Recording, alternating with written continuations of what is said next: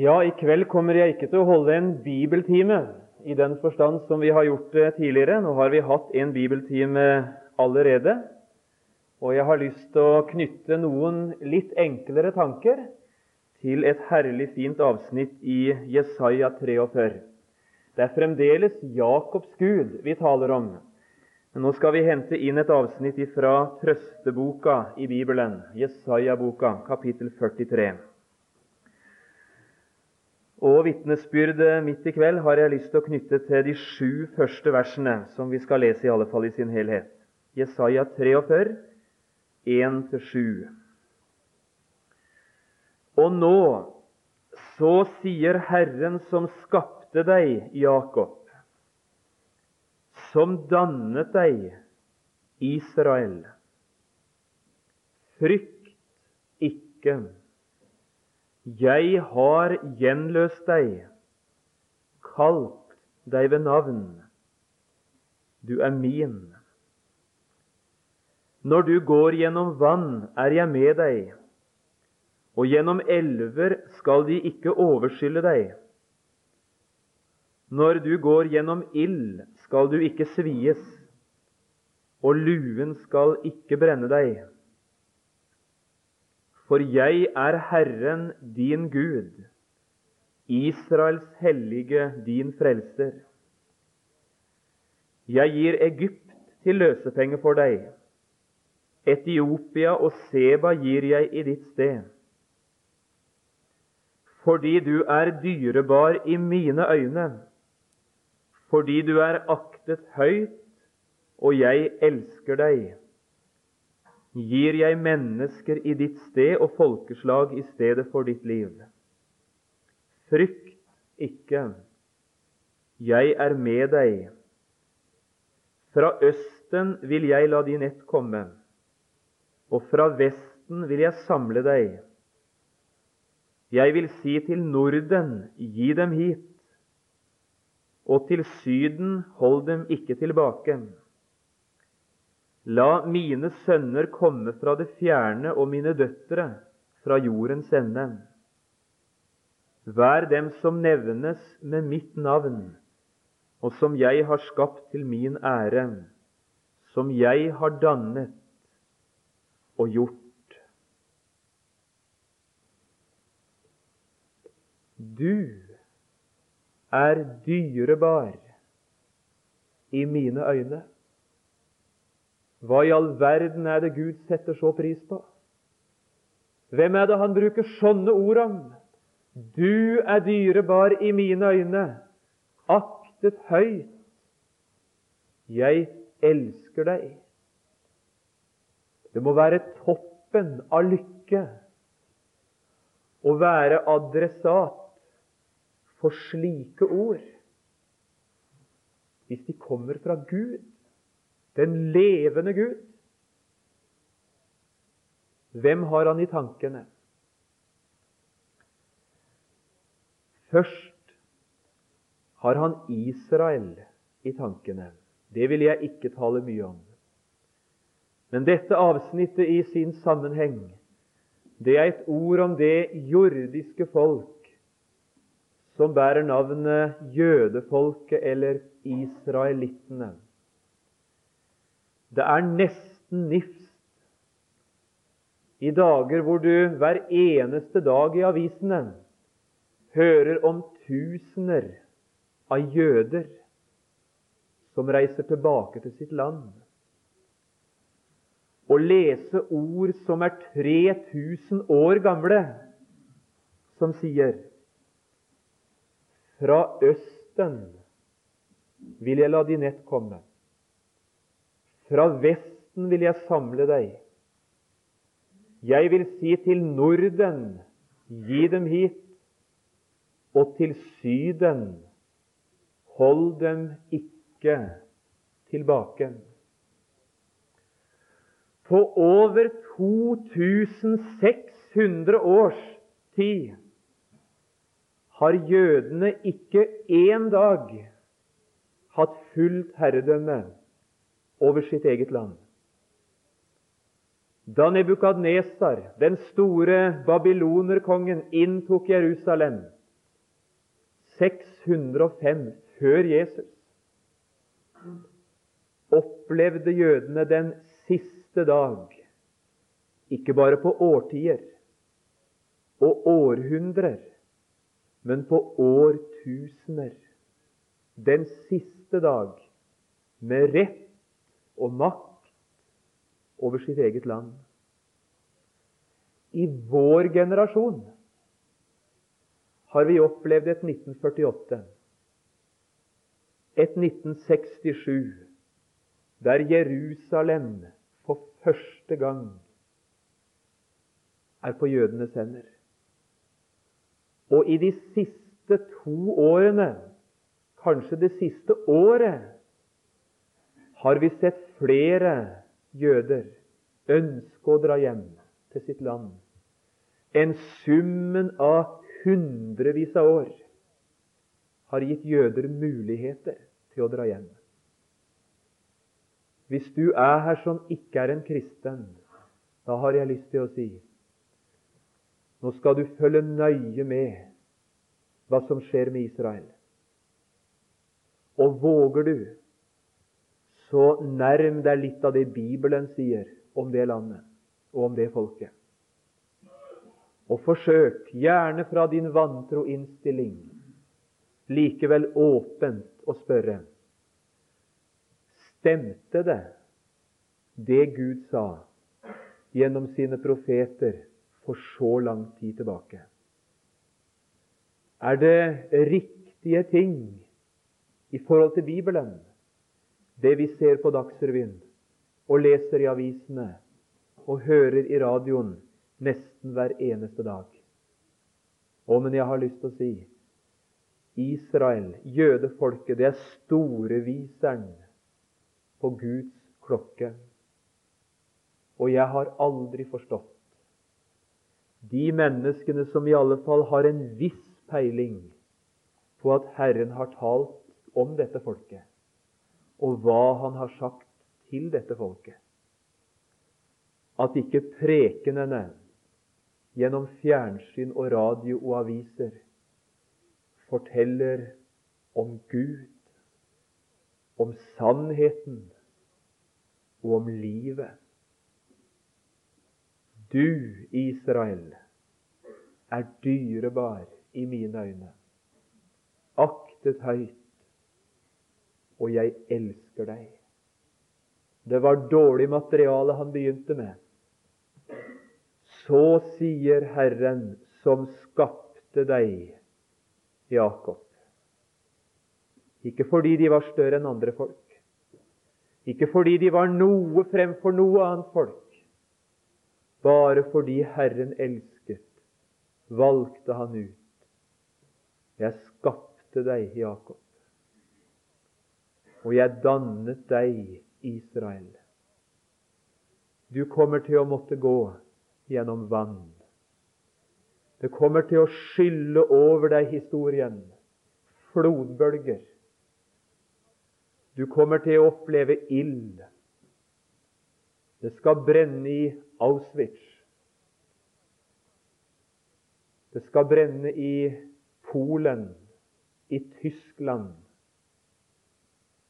Men når du går gjennom ild, er jeg med deg. Du er dyrebar i mine øyne, aktet høyt, og jeg elsker deg. Den som rører ved dere, sa Herren en gang, rører ved Guds øyensten. Å, men Herren har ei herlig framtid for Israel. Det er enda noen skjær i sjøen. Det er enda vann og ild og luer og trengsel. Det er noe som heter Jakobs trengsel i Bibelen. Å, men det er et herlig framtidsbudskap i Bibelen om dette folket. Hold dem ikke tilbake. Det folk jeg har dannet meg, skal forkynne min pris. Og det er en velsignelse at flere og flere, også i våre sammenhenger, våger å tenke framtid for Israel og framtid for riket for Israel. Jeg skal ikke si mer om det. Du er dyrebar i mine øyne. Du er aktet høyt, og jeg elsker deg. Vet du hvem som ved siden av israelsfolket er Guds tanke denne kvelden? Du er i hans tanke. Du. Du. Akkurat som den du er. Med fortida fram til denne kvelden. Med nederlag og med seier, med vonde følelser og med gode følelser vellykka eller mislykka. Du, kunne jeg stille få spørre deg som er på møte i kveld, kan du ikke nå åpne hjertet på gløtt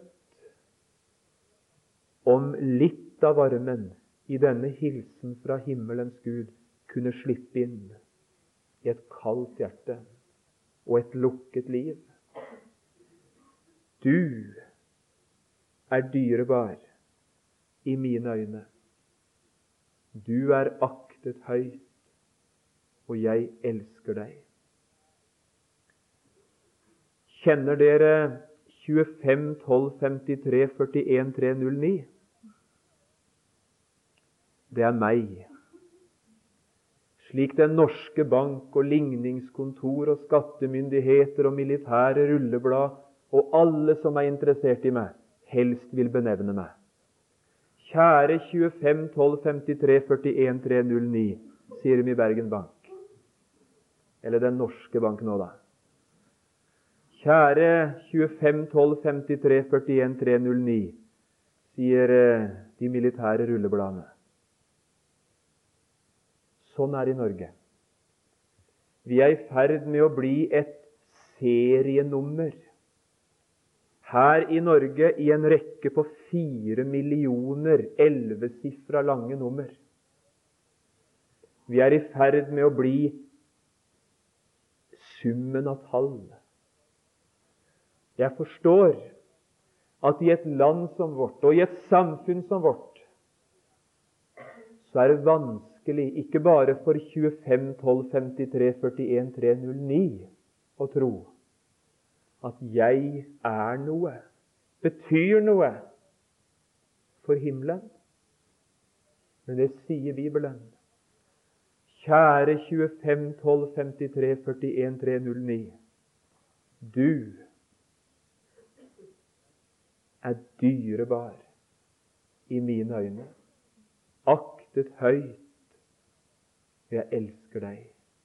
Hvis ikke Bibelen hadde sagt det, hadde jeg aldri trodd det. Og hvis ikke erfaringen hadde bekrefta det, hadde jeg aldri våga å vitne om det. Men jeg tør. Jeg kan ikke ditt nummer, men jeg vet du er adresse for den levende Gud. Og for en kjærlighetserklæring akkurat i kveld fra Han. Ja, spør du, og ser Han i meg?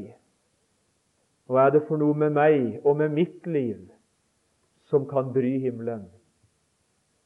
Ja, Det har jeg lyst til å fortelle deg i en tre-fire enkle streker, for det er dette Bibelen forteller.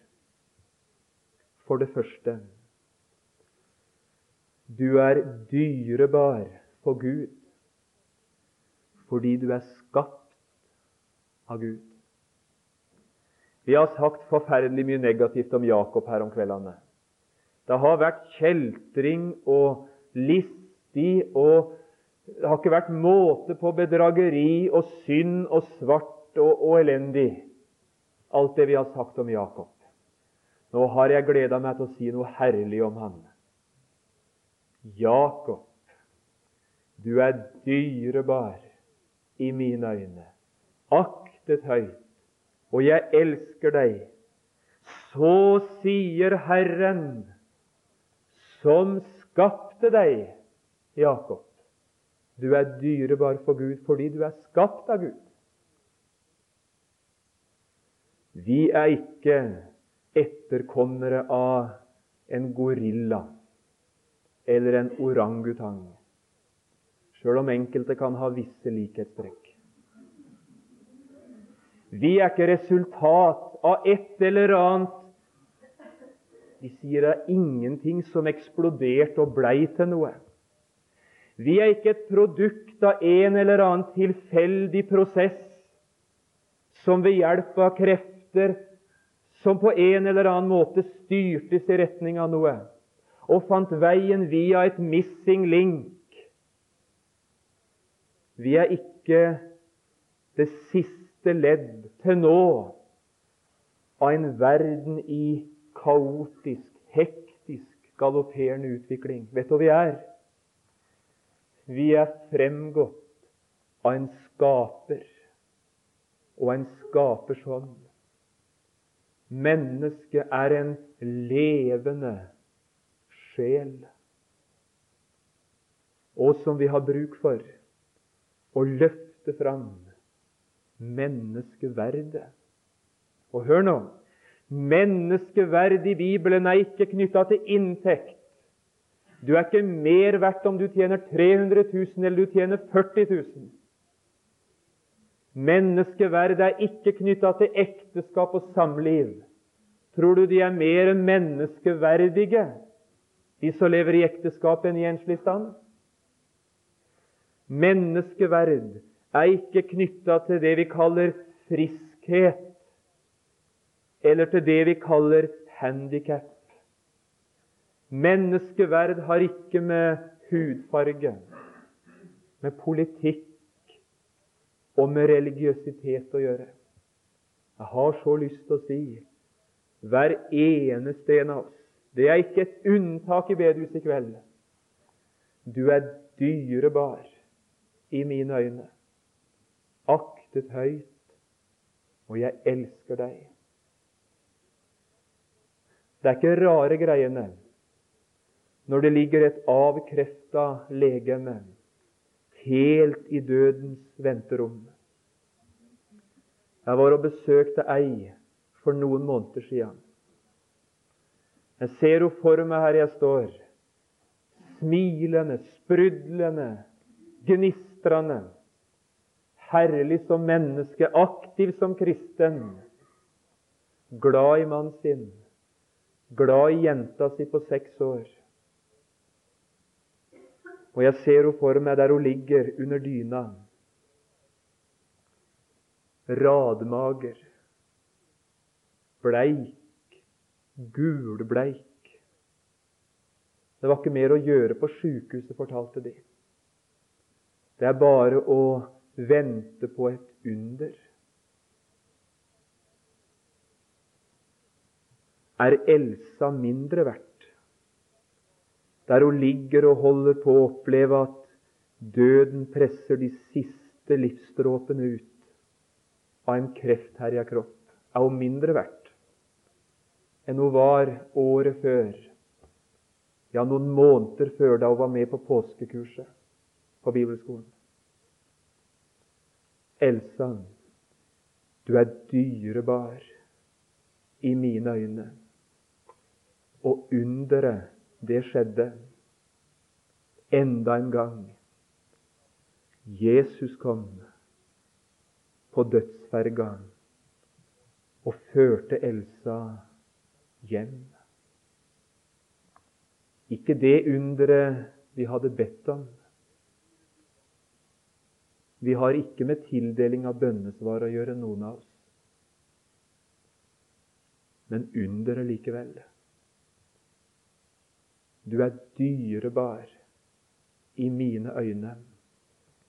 Adam, det er hebraisk, og det betyr både rød jord og menneske.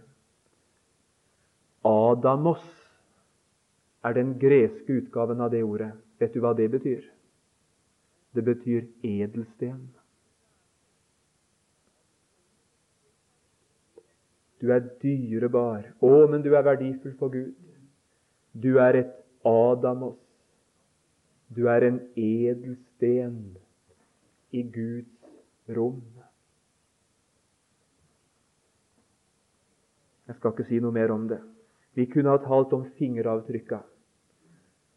Så originalt er vi skapt at ikke én kopi av ditt fingeravtrykk har sin like i denne verden. Han gjorde originalproduksjon, Herren, da han skapte deg. Og det er derfor det er så om å gjøre for han å få deg i tale, ser du. Vise deg sitt smil, få ta hånd om ditt liv og ta deg med til herligheten. Det andre du er dyrebar i mine øyne, aktet høyt, og jeg elsker deg. Jeg har gjenløst deg. Å, så dyrebar du er for Gud. Ikke bare i kraft av at du er skapt, men det er betalt en enorm pris for ditt liv.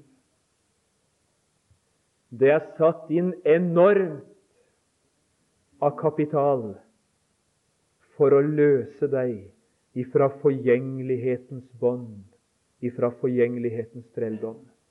Og hør nå tilværelsens største utbetaling, det er denne.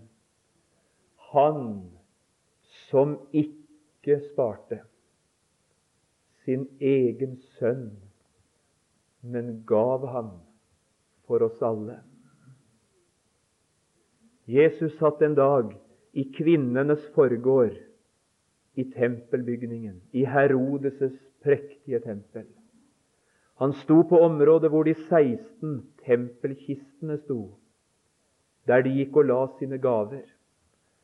Og Han gjorde det som ikke er fin skikk i våre sammenhenger. Han så altså ikke bare omga, om folka, men han så etter hvor mye de ga skulle blitt populært her hvis det var noen som tok på seg det å sette seg slik at de så både om folka og hvor mye de ga. Nei, det vil ikke vi ha. Jesus gjorde det. Og så ser han ei, og så sperrer han øynene opp, for det var nesten som han så trekkene til sin egen himmelske far. Det kommer ei enke inn, fattig, Hun går til den nærmeste kista, uten ord, uten dusker og klær og fariserlyder, for å signalisere nu er giveren på vei, uten de la merke til henne. Legger hun en skjerv i tempelkista. Jesus smiler, og så sier han, Jeg har aldri sett noen komme som til de grader har båret min himmelske Fars trekk som denne enka. Hun gav alt det hun eide. Han som ikke sparte sin egen sønn, men gav ham for oss alle. Å, men du er dyrebar. Det er betalt en enorm pris for de sjel. Det går en mann ut byporten i Jerusalem, lutbøyd, slepende skritt og avkrefta. Det ligger et kors på nakken hans. Det følger en del likegyldige og noen gråtende i fotsporet hans. Et stykke ute på veien segner han og kan ikke mer. Ved veis ende høres hammerslag. Det er hender og føtter som spikres fast til treet han sjøl ble bedt om å bære. Via dolorosa kaller de veistykket. Smertenes vei hengt opp over jorda, brenner tørsten i han. Hengt opp over jorda begynner pustevanskelighetene. Spikra fast til treet opplever han dødskreftene. Over korset gjemmer etter hvert himmelen sin, sitt lys og sin glans. Og et angstfullt rop spjerrer stillheten. Min Gud, min Gud, hvorfor har du forlatt meg? Og jeg har lyst til å spørre, hvem er han? Hvorfor henger han der på forbannelsens tre? Hvorfor går han veien? Den var frivillig. Vet du hva svaret er? Det var en Barabas i byen. Det var en straffange og et hjerte, Guds hjerte, maktet ikke tanken at en morder skulle få sin fortjente lønn, og himmelen sa Barabas er dyrebar i mine øyne, aktet høyt og elsket. Du, min sønn, vil du bære morderens kors? Ja, far. Ja, av hjertets lyst. Så sank han i vår jammer ned, så dypt som ingen vet. Hva som skjedde med Barabas, jeg aner det ikke. Men fikk han vite det, og han gjorde det nok, hemmeligheten med hans kors, ville han aldri et sekund være den samme. Jeg har stille lyst til å si Barabas står på prekestolen i kveld. Og kanskje sitter han i salen òg. Det var for Barabas, forbryterretten, Jakobsetten. Han betalte prisen. Gjenløse det betyr å betale en pris. Kjøpe fri ved betaling. Frykt ikke.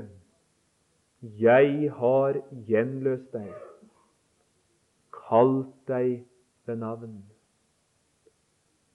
Og så sier han stille til deg akkurat nå. Jeg som har skapt deg, og som har gjenløst deg, som har fulgt deg og kalt deg og elsket deg og ønsket deg. Det er noe jeg ikke kan gjøre for deg. Jeg kan ikke velge for deg. Valget, det er ditt. Kalt deg ved navn. Det kunne han. Men å velge kunne han ikke gjøre for det. Kanskje har jeg anledning å si til et åpent hjerte, til et lyttende hjerte Du hører ikke Jesus til. Kanskje har jeg altså anledning å si det så du, så du kunne huske det. Han som har skapt deg og elsket deg og gjenløst deg og fulgt deg og kalt deg, han har ikke noe større ønske i tilværelsen enn at følgende tre ord skulle være ord om deg. Du er min.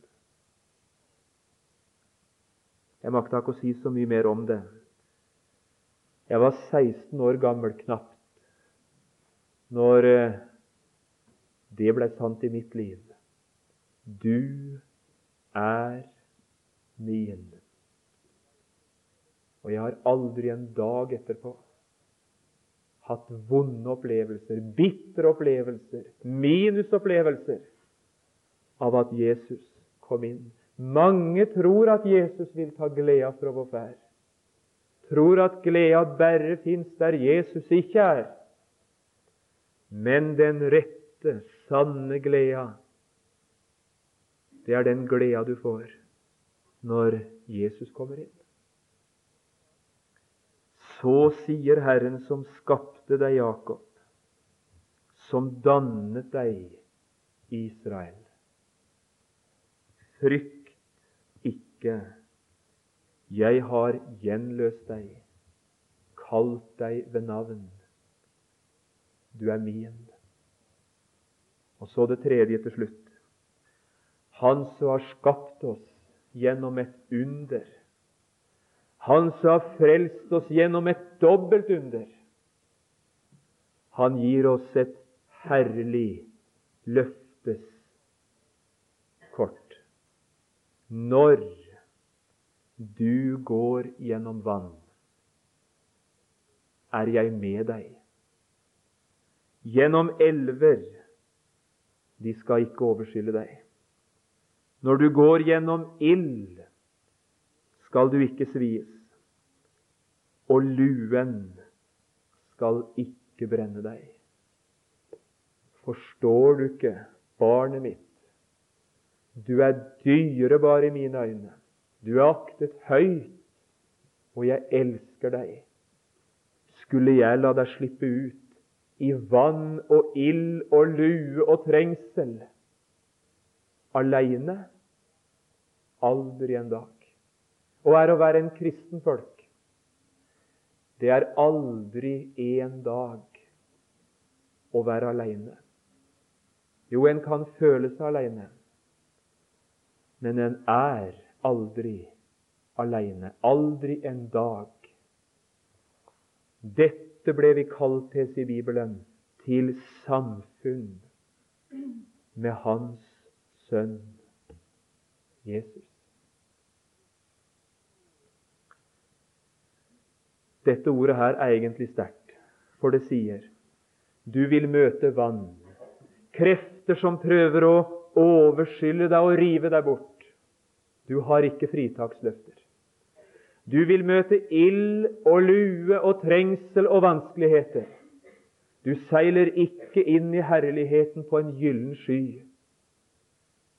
Du skal få gå gjennom verden i hans spor så heter Jesus.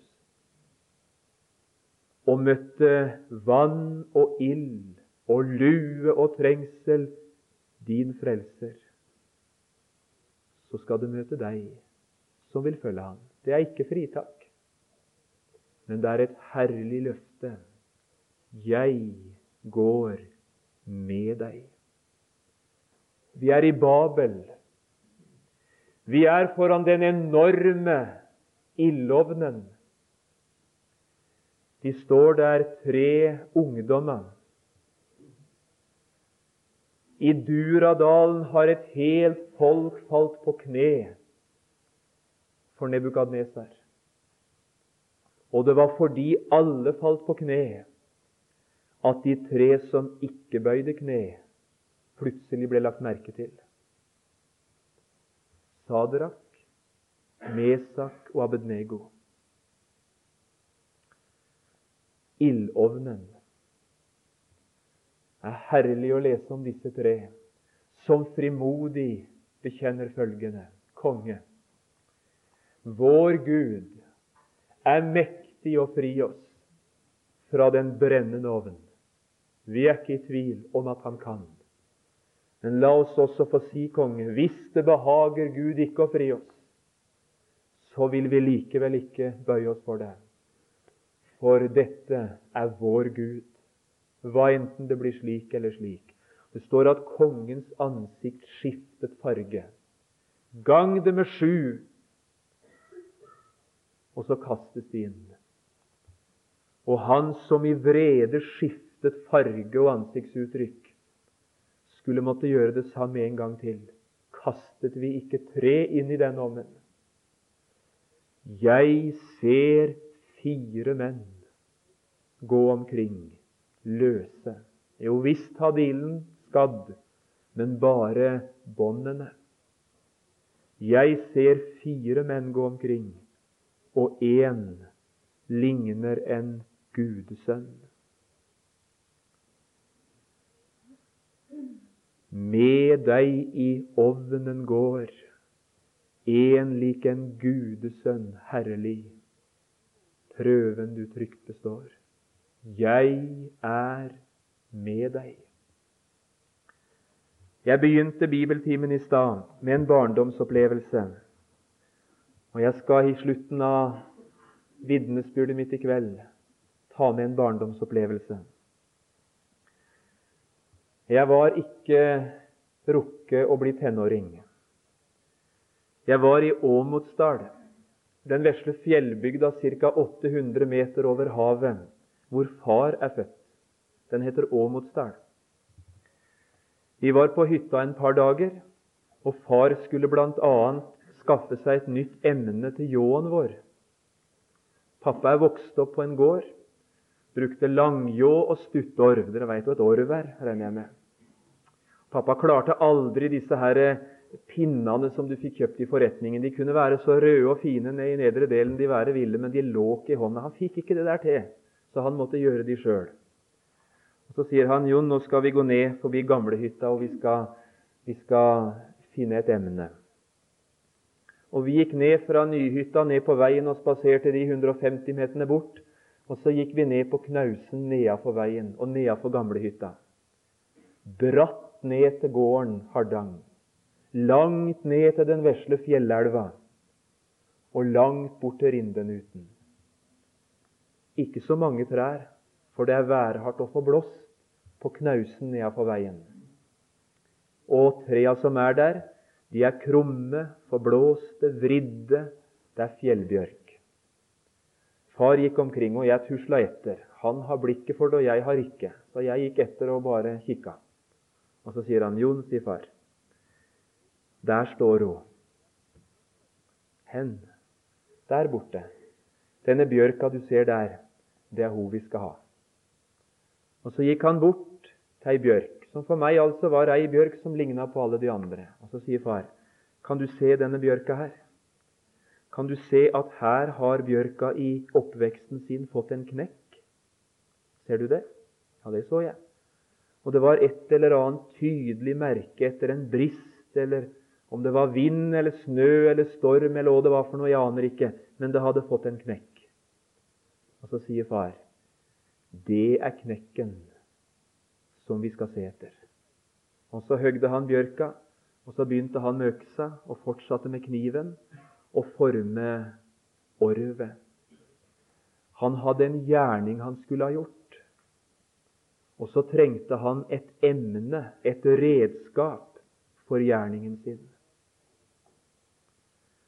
Hvorfor sender Herren oss gjennom ild, gjennom vann, gjennom luer, gjennom trengsel?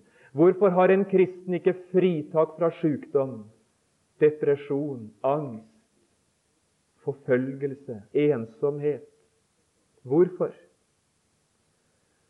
Fordi Mesteren har en stor gjerning han skal ha gjort i sin verden. En dag går Mesteren ut, Gud Herren. Han går ikke inn i den svære, djupe skogen med de høye trærne, med hallelujastemning, rakrygga kristen bekjennelse og enorm, enorm kristen tro. Han går ned på veien.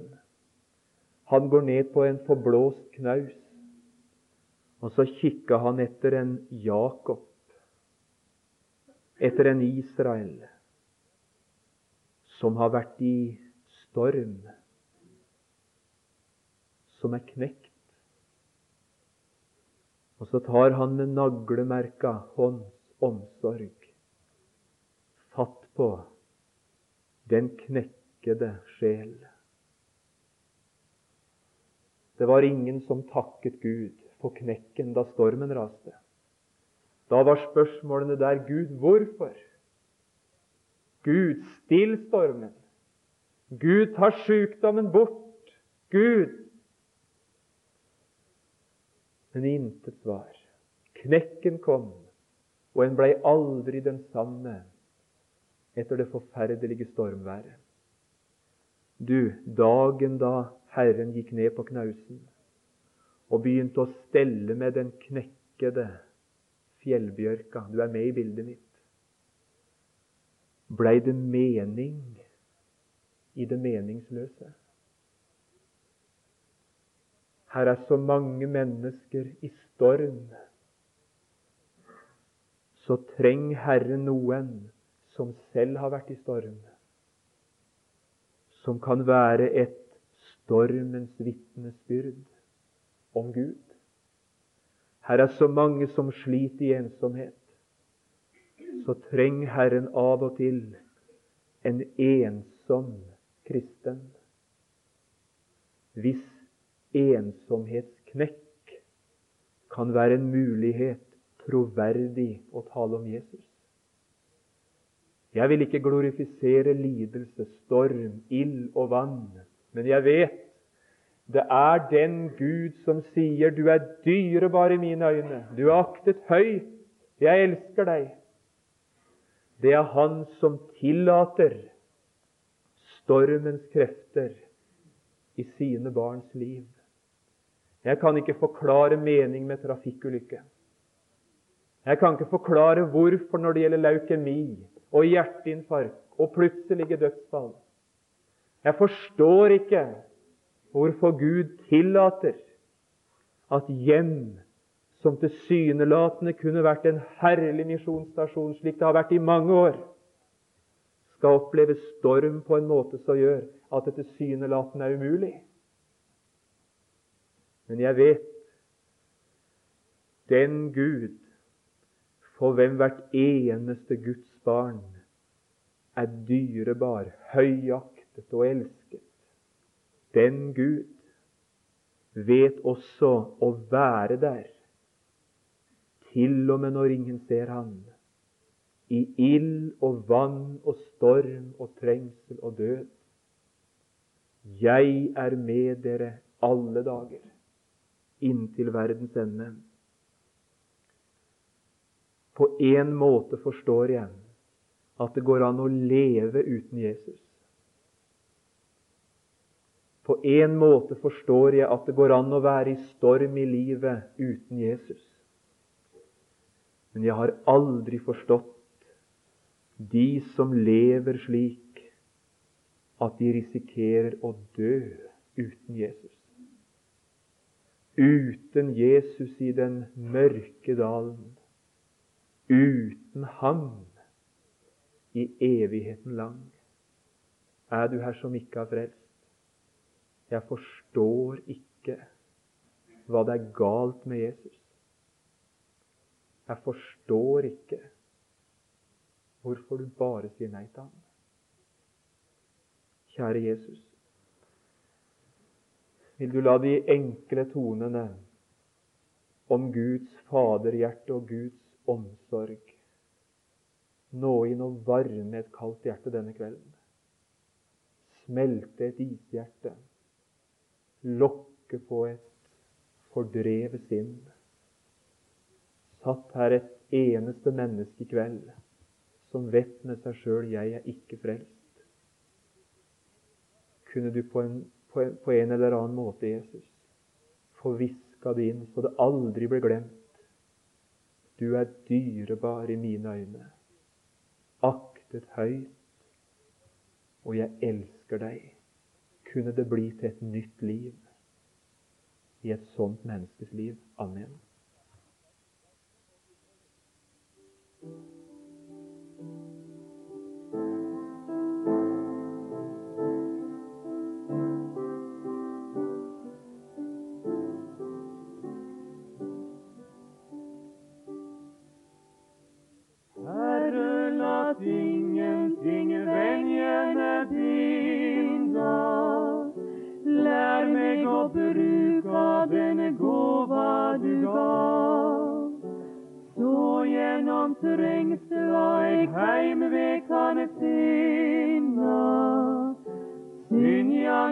stiga fra død og fra grav. Treistaren fanger med finaste snara. Fri meg, min frelser, eg veit at du kan. Og ved mitt sida du vil